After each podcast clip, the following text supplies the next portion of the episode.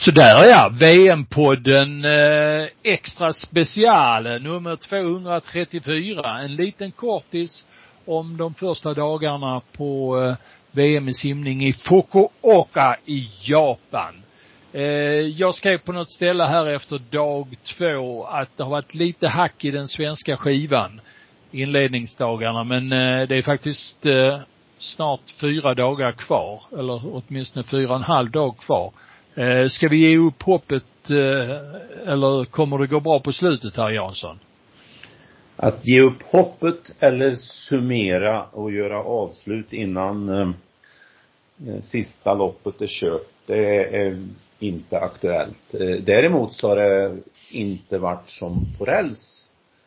Eh, det är väl, ja det, det är ju få gånger det liksom bara blir stolpe in hela tiden men men lite grann som vi var inne på när vi hade försnack om VM så med hjälp av rankinglistor och så, så fanns det en viss eh, oro för att det kan bli tufft med fler medaljer än Sar, de Sara kanske tar på 50 fritt och 50 fjäril och kanske också blir tufft med en del finalplatser. Och, och det är lite besannades väl nu i början då, det herrarnas 4 gånger 100 frisim inte fick till det som de har kapacitet till och eh, inte heller det de hade hoppats på. Så det var ju en liten minussida. Erik Persson inledde med att simma 100 bröstsim eh, sekunden över sitt pers. Eh, behöver ju inte betyda att han inte kommer att slå pers på 200 meter bröstsim, men det var ändå ingen signal åt det positiva hållet då.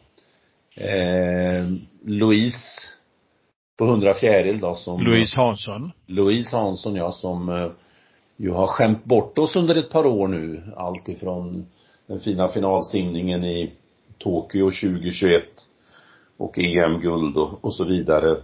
Eh, och kortbanesimmerska utav högsta klass. Fick ju inte till det på 100 fjärilsim men vi ska inte räkna bort det inför medleylacupen heller men starten har inte varit riktigt som eh, vi hade hoppats. Men det finns ju några lysande eh, exempel åt andra hållet. Hanna mm, Rosvall. Berätta. Hanna Rosvall. Mm. Som, eh, jag pratade igår med, med kring henne i ett sammanhang och vi har ju genom åren upplevt simmare som vi har kategoriserat som kortbanesimmare av olika skäl. Eh, Hanna har ju lite grann tillhört den kategorin tack vare hennes oerhört starka undervattensarbete till exempel. Men det har varit svårt för många utav dem att omvandla det i, i långbana. Och Hanna har ju faktiskt lyckats med det. Eh, inte riktigt samma höga nivå som hon har på kortbana men hon, hon har faktiskt eh, gjort det. Plus att hon då eh, tävlar väldigt bra på mästerskapsnivå. Så det är ju en väldigt, tycker jag, lysande undantag. Sen blev det ju ett glädje i, extra glädje kring när Sofie simmade 100 bröstsim semifinal igår.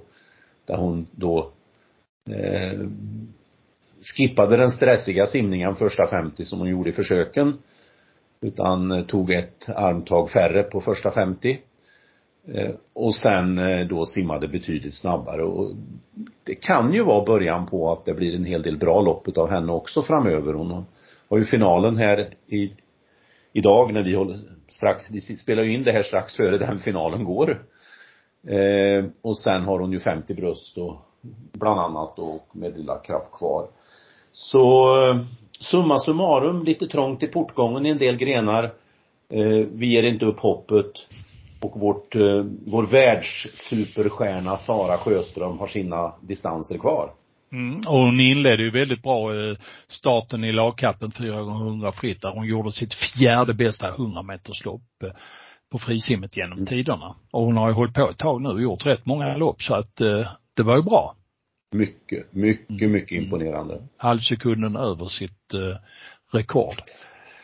Jaha, har du något mer att säga så här långt eller eh, vi ska, eh, kritikerna kan eh, ta ner trumpeterna och vänta lite ska vi avvakta någon dag till så kommer vi tillbaka också tycker lite och mm. tänker och hoppas att vi har glädjande nyheter och tankar då, eller hur? Ja, det gör vi. Mm. Nu är det snart final. Ja, så är det. Tack ska du ha. Hej då.